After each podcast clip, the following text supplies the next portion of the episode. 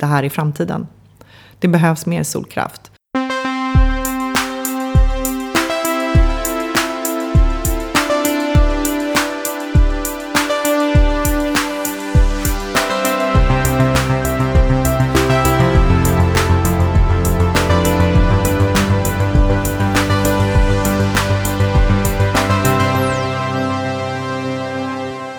Då rullar vi vidare med Heja Framtiden podden med mig, Christian von Essen. Sitter på min, sitter inte på, jag sitter i min uh, kitchen studio på Roslagsgatan 23 i Stockholm. Tillsammans med uh, Anna Werner, välkommen till podden. Tack så mycket. Vd för en uh, medlemsorganisation, en branschorganisation som heter Svensk Solenergi. Stämmer. Vad kan man säga om uh, själva föreningen först och främst? Då? Svensk Solenergi har funnits sedan 1989. Oj. Ja, och då var det inte så många som trodde på solenergi i Sverige. Men eh, det fanns en del som verkligen gjorde det. Det var många forskare. Vi var ganska duktiga på solforskning då. Och många jobbade ju med solvärme, alltså att värma vatten eh, med solens eh, energi. Men den tekniken är ju inte så stor i Sverige idag, utan det som de flesta håller på med nu, det är ju solkraft, alltså att göra el med den fotoelektriska effekten med energin eh, från solens strålar. Då. Så det har liksom skett en utveckling och de här, är, vi har fortfarande lite forskare och så eh, i föreningen. Men nu är det ju väldigt mycket företag som är kommersiella och installerar och är grossister och importerar och tillverkar och är då i alla led i den här kedjan för att man ska få till solcellsinstallationer på mm. svenska tak och eh, på svensk mark. Just det, och ni jobbar som en slags eh, samlad röst för dem eh, ja. mot politik och Ja, för det behövs ju någon... Regelverk. Ofta är det ju sådär, vad tycker branschen? Och då är tanken att det, vi kan eh, ge röst åt alla på en gång. Men vi jobbar med lobbying, det vill säga vi försöker påverka beslutsfattare, ofta en mot en, att vi träffar dem enskilt. Men också så jobbar vi med opinionsbildning, så det är mycket mediearbete mot press och, ja, och sen däremellan ligger väl debattartiklar så att vi både syns och får ut vårt budskap då. Vi försöker få bort hindren för solenergi i Sverige med fokus på solkraft just nu då. Ni kallar det för solkraft. Man, bland, man ska inte blanda ihop de här begreppen. Nej, det är olika saker. Man brukar, det, blir, det har blivit lite förvirrat eftersom man säger solpaneler. Och då tänker man en fyrkant som sitter på taket. Mm. Eh, men det där, förr i tiden och i, norr, i södra Sverige, då, Portugal och Spanien, då är det ju ofta liksom plast, svarta plaströr som det går vatten genom. Och så fångar man värmen. Mm. Så att man får varmvatten inne i huset. Men det som är stort i Sverige nu, det är ju att de här panelerna inte alls några svarta plaströr med vatten, utan det är då solceller. Och eh, när de träffas av solstrålarna, eller fotonerna från solen, eh, då sätter man igång en effekt som skapar elektricitet, fotoelektriska effekten, som Albert Einstein fick Nobelpriset för 1905. Okay. Eh, så det är ju en häftig, häftig grej. Jag menar, elektriciteten upptäcktes ju inte förrän mitten av 1800-talet. Så det har gått väldigt fort. Nu kan mm. vi, mm. Och eh, hur många medlemmar har ni ungefär?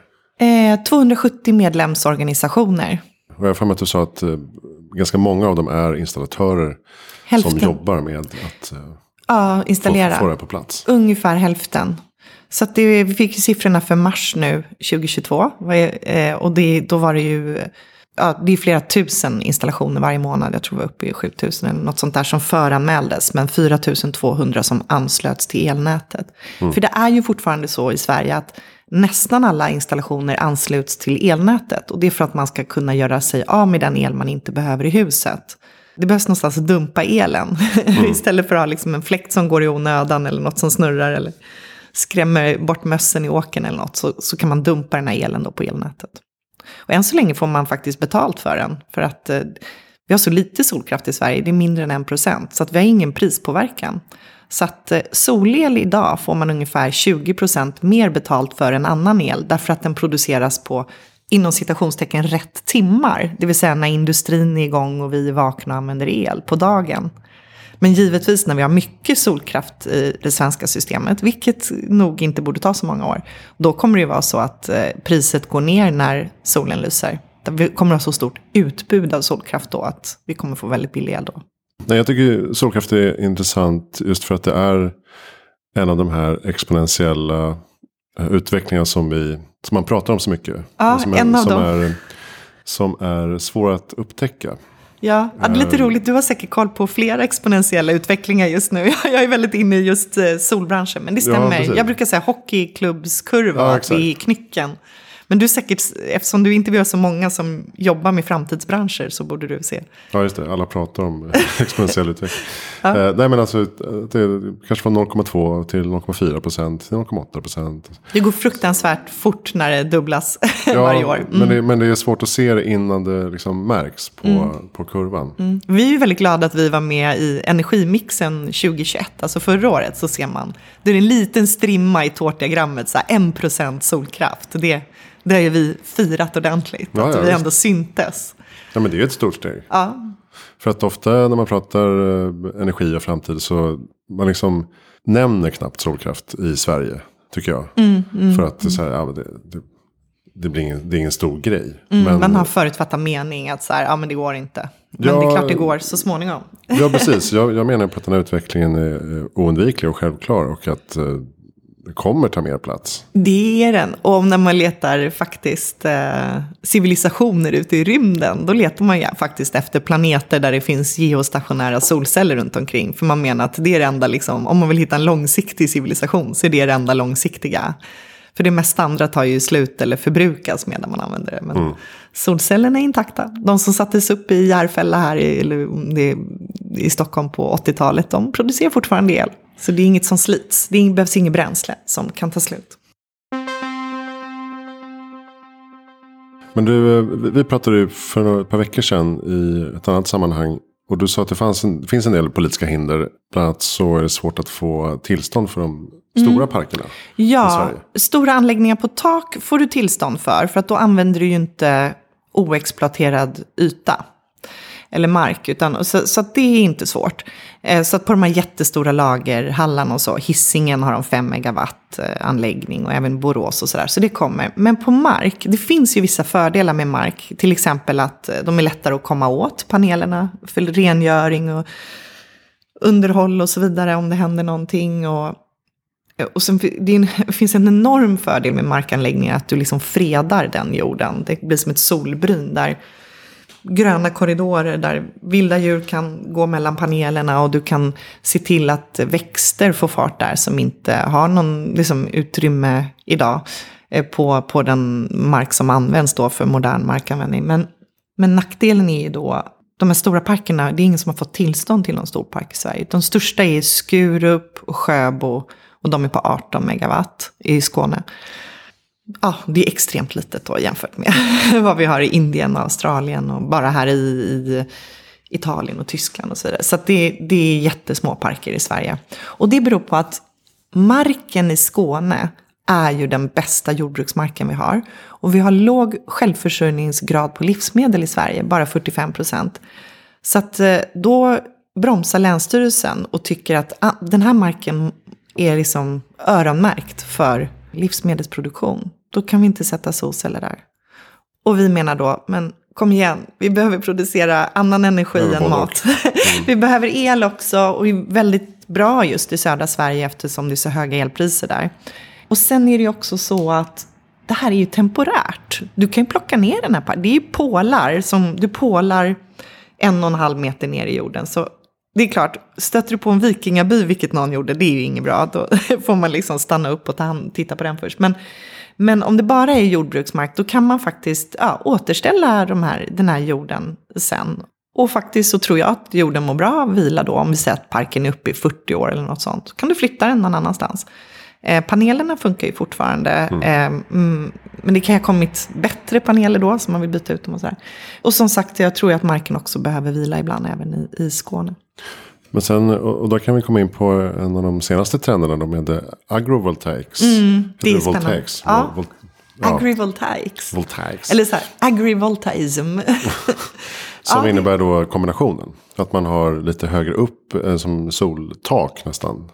Eh, Ja, det är en typ av agrovoltaics, att du har det på växthus i princip. Du kan ju ha semitransparenta då, så att det går igenom en del ljus och en del plockas upp och används till fotoelektriska effekten. Eh, det finns mycket sånt. Eh, det är ju teknikutveckling såklart på alla håll. Men den, liksom en vanlig agrivoltaism som vi då har i, utanför Västerås där Mälardalens universitet har testat den och Solkompaniet har byggt. Och, eh, det är Next to Sun som har liksom infästningssystemet och så. Det är en helt annan typ av, och den är och de forskar på den och har fått väldigt fina resultat. Men då är det att det är, du tänker staket, har, vertikala staket i nord-sydlig riktning. Med paneler åt båda håll, alltså bifacials. Så att du får, att panelerna är riktade mot öster och väster. Mm. Eh, och så har du kanske 15, 20, 30 meter mellan de här staketen. Så då kan du ju bruka jorden mellan där. Till exempel eh, som har, har gröd, alltså skörd, gå med skördetröska och sådana saker. Så det är den vi har testat i Sverige skulle jag vilja säga, ett lite större projekt med bra resultat. Funkar väldigt bra långt norrut eftersom vi har, ja, vi har snö ibland på marken. Eh, och den kommer då inte fastna på de här panelerna eftersom de är vertikala. Och istället kommer de hjälpa till och reflektera solens ljus mot panelerna. Eh, det är också så att vi har ganska mycket lågt liggande ljus i norra Sverige. Eh, och då är det också bra med de här vertikala panelerna, för de tar emot mycket av det eh, lågt liggande ljuset. Så jag ser en framtid för agrivoltaics i Sverige. Kanske båda typerna. Såklart, vi, alltså växthus behöver vi ju för att odla i Sverige väldigt ofta. Så att, som du säger, de här semitransparenta, de har nog också en framtid där. Då skulle man kunna tänka sig att man hittar någon slags mellanläge eller gråzon i tillstånds processen. Ja, precis. Att det är sådär, absolut. Att man skulle kunna förhandla och säga att ja, ni får eh, producera solel på den här hektaren, men ni måste producera, på något sätt måste ni producera 20% av vad ett modernt jordbruk skulle kunna ta producera här. Mm det tycker jag absolut man borde kunna hitta en sån förhandlingslösning med Länsstyrelsen. Att man säger, ni får ha en mix av, det behöver, energin kan produceras antingen som kalorier eller kilowattimmar el. Men mixen måste bestå minst av så här många. Ja, jag tror du har en grej där. Ja, den tror jag på. någonting sånt. Mm. Ja, men jag tänkte faktiskt uh, följa upp det och skriva någonting om det. För att det, det känns som helt rätt väg. Bra idé. Och så gäller det att man skriver regeln då så pass fluffigt att man inte hämmar kreativitet så alla gör likadant. Utan att ändå folk då lär sig ändå, för man vill ju pressa upp eh, effektiviteten då på sådana installation så man får så mycket el som möjligt. Och så mycket problem. Jag tycker också vi ska ha en god livsmedelsförsörjning i Sverige. Så att det blir fantastiskt om man kan använda marken till båda. Ja, jag såg till och med något exempel från Afrika där, eh, där det blir en droppbevattning också. Alltså den samlar upp regnvatten ah. och eh, droppar ut på grödorna. Och så så att, eh, jag säger det, ja. Verkligen win-win-win. Det låter fantastiskt. Um, flytande då? Har du, sett, har du googlat på flytande solcellsparker? Nej, jag har nog sett något exempel. Det är häftigt. hur man rullar ut dem. Det är liksom pontoner, så flottar som bara kommer ut på löpande, du tänker liksom ett pärlband av pontoner och så mm. ligger det paneler på dem så att de rör sig med vågorna. Så det funkar inte när det är för hög sjö. Liksom. För de är ju sen på något vis förankrade i botten med några kedjor. Eller... Mm. Alltså det är superhäftigt. Vi har inget sånt i Sverige men kanske i framtiden. Borde man inte kunna kombinera eh, havsbaserad vindkraft med solceller? Jag... Och vågkraft och allt, allt på en gång. Bara. Allting måste ju kombineras. jo men så är det ju för att vi vill ju inte lägga alla ägg i en korg och de producerar ju el vid olika tidpunkter och så. Så det tycker ja, men jag också... samma, samma park. Liksom. Ja, eh, precis. Det behöver forskas på. Det är ju lite sådär med solceller att de producerar ju inget när de blir skuggade. Mm. Så att de kan ju bli lite trötta om det kommer en, liksom, den här vingen ska skugga dem. en gång i minuten. Då, eh, jag vet inte, men det går ju såklart att utveckla tekniken. Och liksom, det kommer ju såklart komma massor av sådana kombinationer eftersom man vill ju dela på elanslutningen. Mm. Eftersom man producerar, e- vind och sol är extremt bra komplement och man har räknat på det där. Eh, just för att det tenderar, solen tenderar att lysa när det är vindstilla och tvärtom då att man tenderar att få ganska mycket vindkraft när, när solen är nere. Så att eh, man brukar säga att ungefär tre delar vind och en del sol en bra mix. Liksom. Eh, så då skulle man ju ja, man skulle kunna hitta på olika möjligheter att kombinera dem. Solceller på vingarna eller jag vet Ja, inte. inte? Det kommer säkert. Överhuvudtaget så är det ju väldigt stort forskningsområde med byggnadsintegrerade solceller. Så att det ingår, så att man liksom istället för att sätta ett nytt byggnadsmaterial utanpå befintliga som har solceller. Så liksom bygger man från början med ett material som har integrerade solceller. Lite som de här hörlurarna som jag hade på mig när jag kom. Så att du har solceller i det här eh, bandet över huvudet. Liksom. Du tänker inte att det är solceller men de, de laddar nu. Liksom. Ja, det funkar så nu. Alltså, Ja, är det du lägger dem i fönstret så. Nej, det är inte, ja, de heter Urbanista de här. Jag tror att Exeger är inblandade, svenska företaget inblandade på något sätt. Just det. Mm. Ja, de ska jag också prata med. Ja, det måste du Ehm, göra. Ja, roligt. Och och just solcellsutvecklingen måste ju, ja, men som du är inne på, måste ju gå ganska fort. Det blir tunnare material, mer effekt och så vidare. Man ser ju ibland fönster som kan ha Mm. en sån Laminerade. lager på sig. Jo, det känns som att det går väldigt fort fram. Och eh, kan det riskera att, att bromsa på det sättet att man investerar i paneler som eh, blir utdaterade? Finns säkert den risken. Eh, jag tycker min båt, på båten så har jag bytt ut mina för att man får så mycket bättre nu eh, liksom på en kvadratmeter än vad man fick för tre år sedan. Och nu har jag alla de här, man märker när folk lägger till på kvällen eller så här vid en klippa så vecklar de ut så här. Så de har liksom små, du vet sådana här foldables som man vecklar ut. Så har man liksom fyra kvadratmeter solceller. Kan du driva ganska, ganska mycket på det. Så att det kommer säkert så utvecklas. Det ser ju inte ut, eh, alltså det de installerar idag är ju otroligt mycket bättre än det de installerade för bara fem år sedan. Så effektiviteten går ju upp. Vi har också en tendens tycker jag att de här panelerna blir större. Och då liksom ändras hela industrin. För att då blir det, förut var det en person som kunde bära en panel och då var det en maxvikt på den. Men nu, eftersom du har kommit över den gränsen, så nu måste du vara två när du bär den. Men då kan den å andra sidan vara väldigt stor, för att då ska du dela vikten på två personer. Så att, eh, det händer det är ju väldigt mycket. Men mycket av det här att det är så billigt idag är ju ändå att det är skalfördelar. Att man har de här enorma fabrikerna, jag vet inte, men säg att det finns här 500 fabriker i Kina som alla kan tillverka 3000 megawatt per år. Alltså de är helt enorma.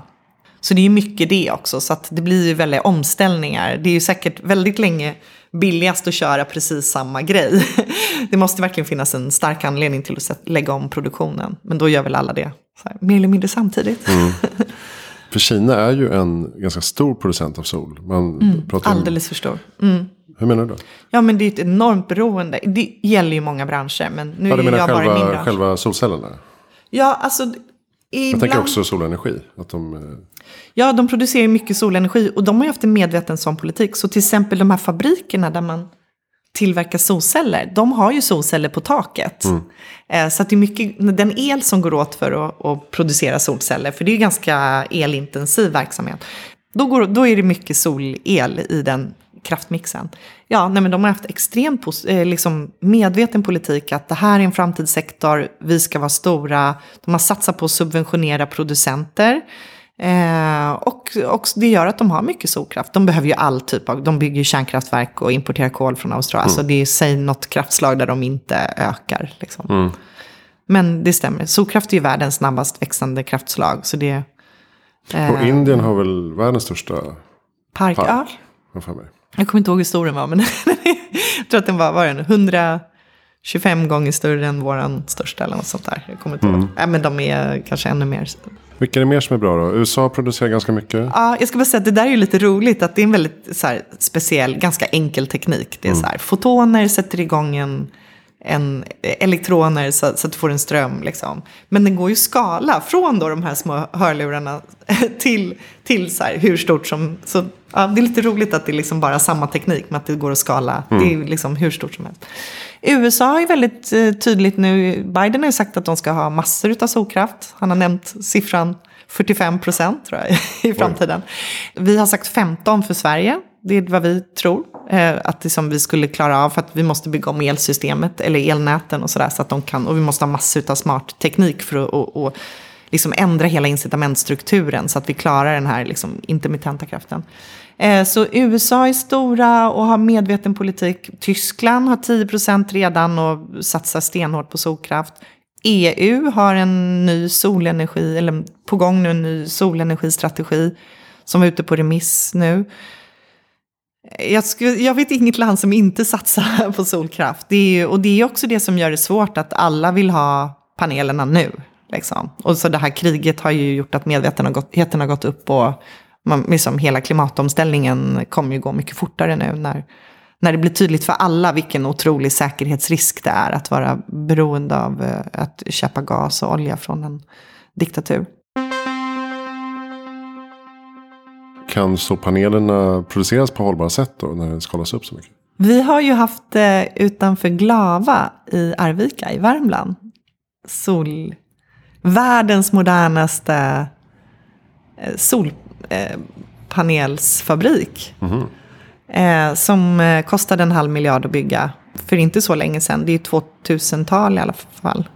Eh, men den står still nu. Därför att det inte är lönsamt. Där kan man producera ungefär 300 megawatt per år.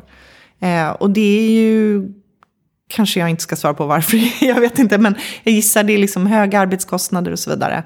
Som gör, och du måste ändå importera då väldigt mycket. Ja, du kan ta kislet från Norge, det är ju nära, men ja, du vet, det ska bearbetas. Och tyvärr är det så att vissa steg görs i princip bara i Kina idag. Så det är ju ett jätteproblem, så får det ju inte vara. Och där vet jag att Europa är medvetna och satsar på att man ska göra, kunna göra de här stegen här eh, i framtiden. Men än så länge så är det, och det handlar om, det kallas för en ingot när du har kislet så här i en, liksom en, en kon kan man säga. Och sen ska du slicea upp den till wafers, de här tunna skivorna som du sit, sätter sen uppe på taket.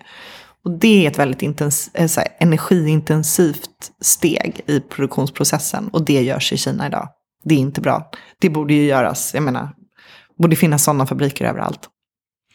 Nej, jag ser inte varför, jag förstår inte varför Sverige inte kan producera solceller. Jag tycker det är jättedumt. Och nu är det ju ändå satsning på batterier och Northvolt och sådär. Så att där känns det som politikerna fått upp ögonen. Men självklart borde vi ha gjort lite mer som Kina och, och subventionerat eller stöttat då på något sätt den här teknologin. För att det var så uppenbart att den skulle komma och bli, liksom ta över.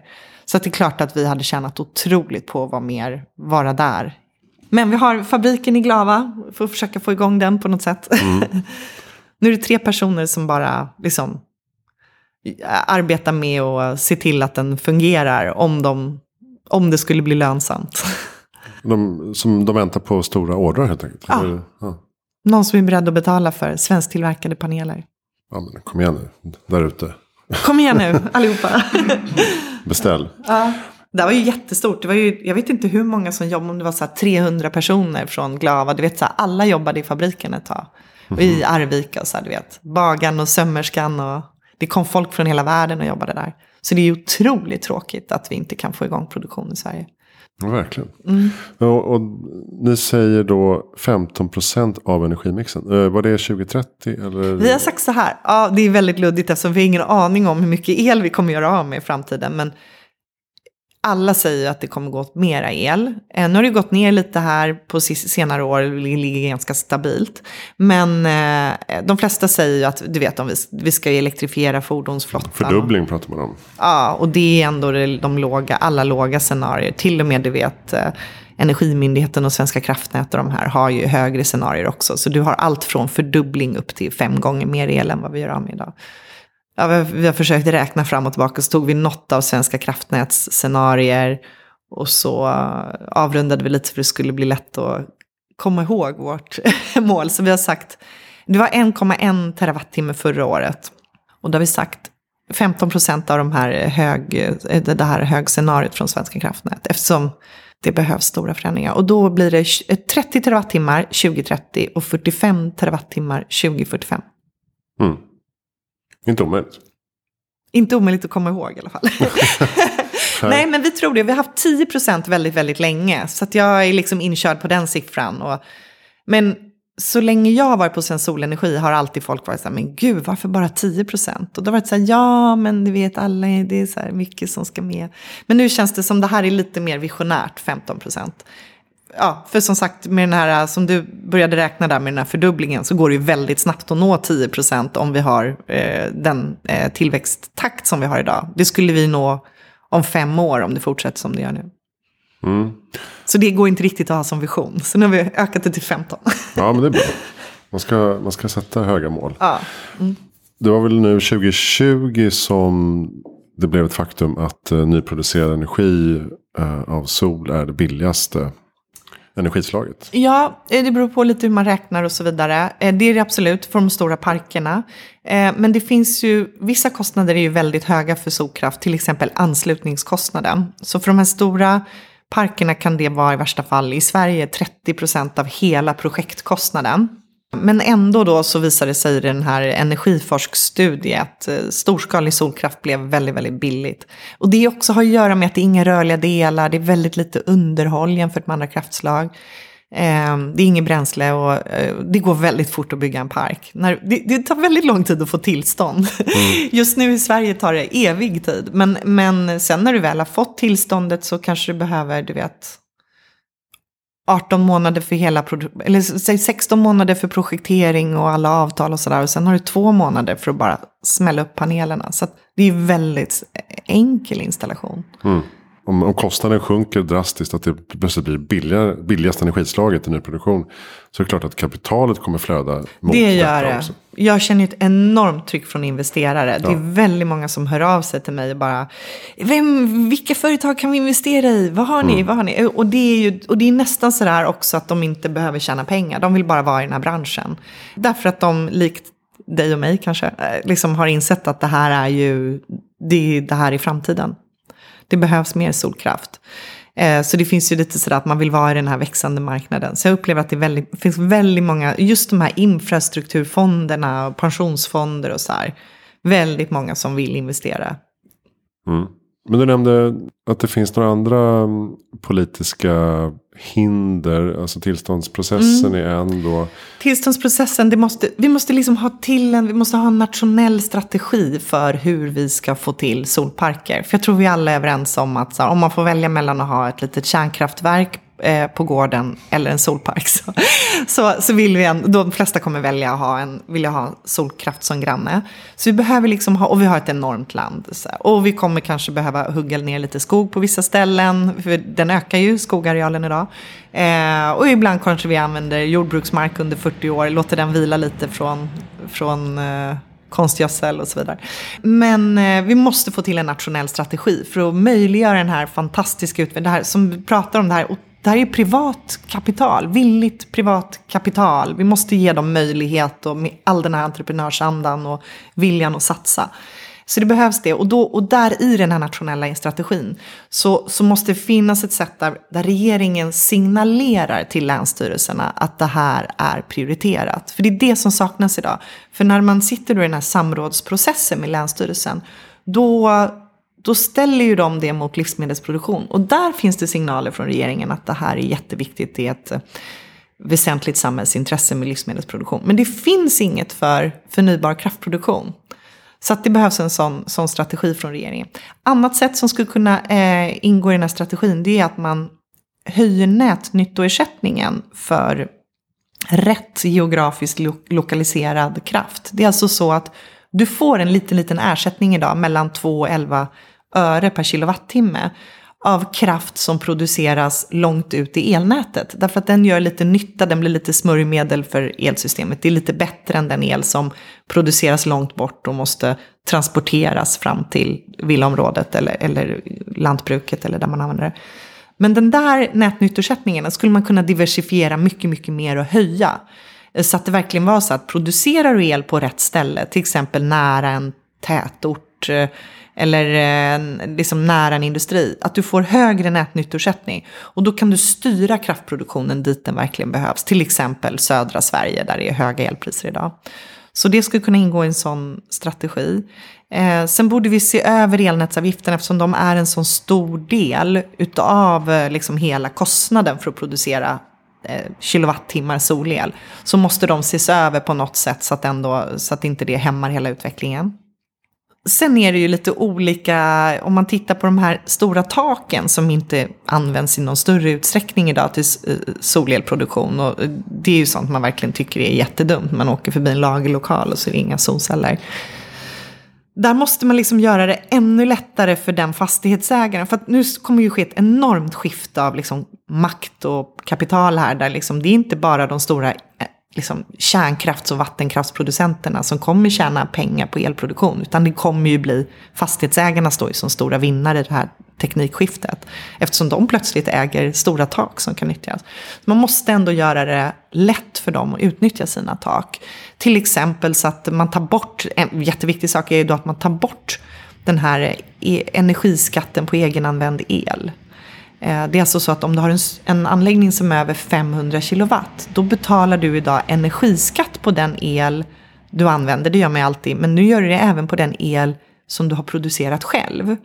Jag brukar... Det är konstigt. Ja, det är lite konstigt och det har ju att göra med hela det här att vi har en snabb teknologisk utveckling och det här regelverk, liksom landskapet med regler och föreskrifter och förordningar har inte hunnit anpassas efter den nya världen. Så det här är ju något mm. gammalt som ligger kvar. Så det här måste ju bort. Så att det här är ju som att du producerar, du, du har tomatodling i din trädgård och för varje tomat du äter upp ska du betala 44,5 öre i skatt av dina egna tomater. Så det blir ju väldigt, väldigt märkligt. Så den måste bort. Och det har ju också att göra med att först har du den här, jag tror att det är runt 36 öre då själva skatten per kilowattimme. Men sen har du 25 procent moms på det. Så det är därför det blir sån högt tal, 44,5 öre per kilowattimme. Det är ju nästan samma storleksordning som själva spotpriset på el. Eller det är samma storleksordning. Just nu har vi så höga elpriser, så mm. nu är det lite lägre. Så det måste ju, den skatten måste bort. Den är väldigt ovanlig, finns inte i så många andra länder. Och, och sen ju, kan man ju tycka att hela, hela idén med elskatt är ju lite förlegad. Om vi nu ska elektrifiera hela samhället och hela klimatomställningen hänger på att vi ska göra oss, sluta eh, och jobba med förbränning och istället jobba med el, då kanske man inte ska ha energiskatt på el överhuvudtaget. Eh, lite medskick. Eh, så det var det. Eh, men sen finns det ju mycket annat man kan göra. Det är en tråkig sak som hände kan man säga, förra året. Det var att Energimyndigheten fick rätt att ta ut 200 kronor i avgift av mikroproducenter som vill ha ursprungsgarantier. Vilket gör att privatpersoner som producerar el idag, de kommer ju inte, de kommer inte skaffa ursprungsgarantier. För, därför att de tjänar inte så mycket på de här. De kanske tjänar 8 eller 20 kronor på de här ursprungsgarantierna, men det kostar 200 kronor att skaffa dem då hos Energimyndigheten. Och det tycker jag är synd, för att ursprungsgarantier tror jag kan fylla ett stort syfte i framtiden, där, just som signal till konsumenten. att att man kom, och det är många stora företag också som är väldigt noga, som de har Google och Facebook och sådär, att vad det är för el de köper in. Och vad är finare än närproducerad solel? Så det är väldigt viktigt att vi har kvar ursprungsgarantierna. Och då tycker jag det är väldigt synd om den här mikroproducerade, närproducerade solelen inte ska vara märkt bara för att eh, Energimyndigheten vill ta in 200 kronor per år för att det är massa administration. Jag kan tycka att det är liksom ingår i deras här myndighetsutövning. Att okay. eh, hålla i den här databasen och hålla koll på hur mycket ursprungsgarantier du då har till exempel fått eh, liksom, tack vare den el, solel du har matat in på det svenska elnätet. Så lite sånt, för det tycker jag, för att även om folk då idag inte är beredda att betala så mycket mer för solel, för priset ligger ju inte särskilt mycket över annan el, så tror ju jag att i framtiden och i takt med liksom problem med klimat, eh, klimateffekten och så vidare, att folk kommer att vara beredda att betala ganska mycket mer för solel. Och då är det viktigt att den är ursprungsmärkt så att man kan välja vilken el man köper. Det är som en liten eh, certifiering då? På något sätt. Ja, det är som en liten precis, en sån märkning. Liksom. Precis, miljömärkt eller mm. ja, man säger. Eh, eller liksom Fairtrade-choklad. Så nu vad som händer i praktiken är ju att du har en blockchoklad och en Fairtrade-choklad i hyllan. Men Fairtrade-chokladen är inte märkt Fairtrade därför att det är för dyrt att Fairtrade-märka. Eh, så det tycker jag är jättetråkigt. Så det, det, men sen finns det ju annat man kan göra för att, man, man skulle liksom kunna jobba med de offentliga byggnaderna och säga att alla offentliga byggnader, nya byggnader ska ha solceller. Och man skulle kunna, eh, kommunerna skulle kunna uppmuntra genom att ge mer byggrätter eller förmånligare byggrätter till, till byggprojekt som eh, som har solceller. Man skulle till och med kunna ha som, som regel att när man bygger nytt så är det solceller på taket. Man skulle, ja, det finns mycket man skulle kunna göra, hjälpa har folk. Och, har man inte gjort det i Tyskland? Det har funnits sådana försök ja, på okay. olika ställen. Och, och sen, eh, vad tänkte jag, jo, vad gäller byggnadsintegrerade så är det idag bygglovsplikt av någon konstig anledning. Sådär. Också något sådär bara förlegat sådär, som det borde försvinna. Så att det blir enklare, så att det är mm. lätt att göra rätt. Och sen det här med fastighetsägarna, att vi måste liksom, vi får på något vis tugga i sig att de är de stora vinnarna. Vi måste göra det lätt för dem att, att då transportera el till grannfastigheter, alltså att man kan liksom nyttja elen lokalt. Och, det till, och EU är ju med, väldigt medvetna om det här, så de har ju ett direktiv, det finns ett direktiv som har bestämt att alla medlemsländer ska implementera något som kallas för energigemenskaper. Sen har inte EU sagt hur de ska se ut. Men de har sagt att man får inte motarbeta de här energigemenskaperna. Så det ska alltså vara gemenskaper där man liksom använder kraftproduktion inom sig. Mm. och då har vi ett förslag från föreningens sida att vi i Sverige skulle ha virtuella energigemenskaper. Så att om vi är några husägare och någon liten park och vissa av oss kanske har solceller på taket och så vidare. Och vi ligger under en transformatorstation. Då ska de som vill, för det är också i det här direktivet att de måste vara frivilliga energigemenskaperna. Att då skulle vi kunna ordna en energigemenskap mellan oss. Och så skulle vi kunna kvitta elen inom den här energigemenskapen så vi har en vi har en produktion och, eh, och, av den produktionen så säljer vi en del till nätet och en del använder vi själva då i någon sorts kollektiv egenanvändning inom energigemenskapen.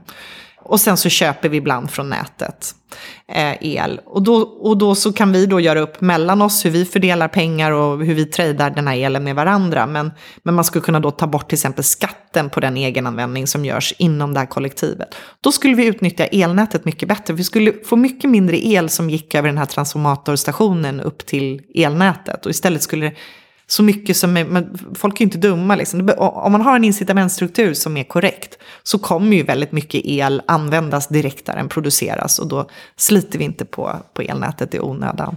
Så att det handlar väldigt mycket nu om vi ska kunna tillgodogöra oss den här eh, solkraften på rätt sätt och få till en hållbar omställning av elsystemet. Då måste det finnas eh, bra signaler att så att eh, folk vet nu är det billigt, eh, nu, nu sätter jag på diskmaskinen. Och även då för både liksom industrin, all, all typ av användning, men också för elproduktionen. Så att, så att jag om jag har en kraftanläggning, en solkraftanläggning till exempel, då om det är väldigt låga priser, ja, men då, kanske jag kom, då ska jag använda min el antingen själv eller lagra ett batteri istället för att sitta och sälja den till ett lågt pris. Så att allt sånt här som du liksom har haft med dina program och intervjuat folk om liksom, med digitalisering och betalnings-AI. Och betal för det AI kommer in här också. att mm. Mitt styrsystem i huset måste ju veta när jag brukar vilja använda min elbil och så vidare.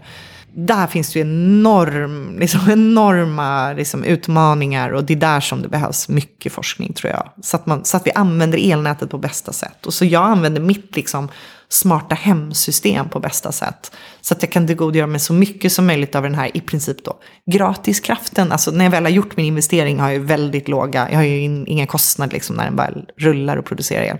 Så ska man använda den så mycket som möjligt vid mm. rätt tidpunkter. När solen lyser. Precis, så energieffektivisering med eh, algoritmernas hjälp i fastigheter till exempel. Alltså, absolut, man måste, vad sa med vilken hjälp? Nej men äh, äh, algoritmer och AI, ja, alltså energieffektivisering, köpa och sälja vid rätt tillfälle. Absolut, och självklart måste vi, alla måste energieffektivisera. Det ska inte vara så att man bara producerar massa el och fortsätter som vanligt. Utan självklart måste vi isolera och liksom fortsätta teknikutvecklingen med fastighetsdrift och allt. Med de här elbilarna måste ju bli så effektiva som möjligt. Det ska inte vara så att vi bara slösar el bara för att vi har solceller. Nej, precis. Och, och som du säger där med, med uh, elgemenskap. Det, det låter lite som den här typ av uh, microgrids som nu utvecklas ja. i, mm. i eh, södra delar av världen. Mm, där man, absolut. hela byar kan gå ihop. Och, absolut.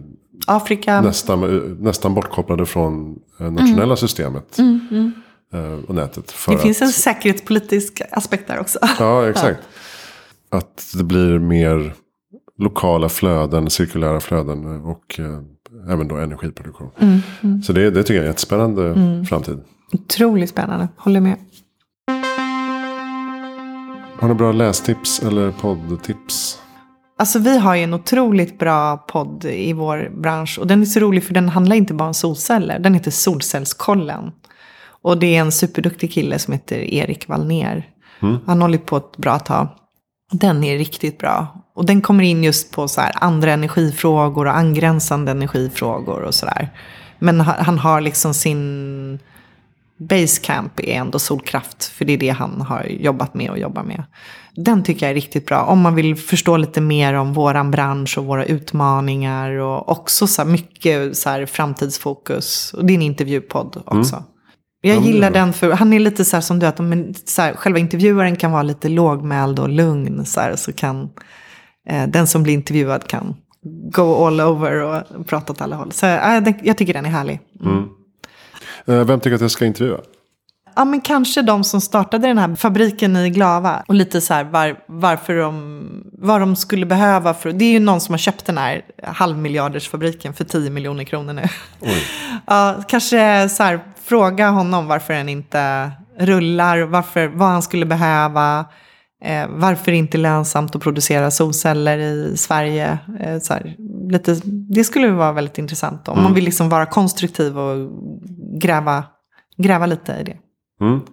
Eller, eller politiker, så här, varför vi inte... Liksom, de är så himla eh, noga med att de vill liksom exportera svensk teknik och svenska uppfinningar och sådär.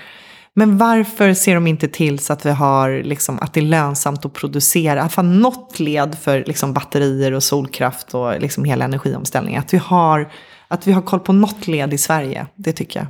Mm. Inte bara installationer. Nej, precis. Mm. Bra, ska vi avrunda. Tack snälla Anna Werner för att du kom till Heja Framtiden. Tack så mycket, jätteroligt att få vara här. Och eh, svensksolenergi.se eh, om man vill. Där finns det ju massor av statistik och siffror. Och, Mm. eh, Och lite kring klimat, eh, också LCA-analys på solceller och sånt där. Mm. Och eh, hejaframtiden.se där hittar du alla intervjupersoner och eh, projekten som jag håller på med. med böcker, eh, litet bokförlag och eh, magasin. Prenumerera på eh, poddar i poddplattformar, på nyheter i sociala medier och eh, mitt nya nyhetsbrev. All information ligger egentligen på hemsidan. Jag heter Christian von Essen. Tack för att du har lyssnat.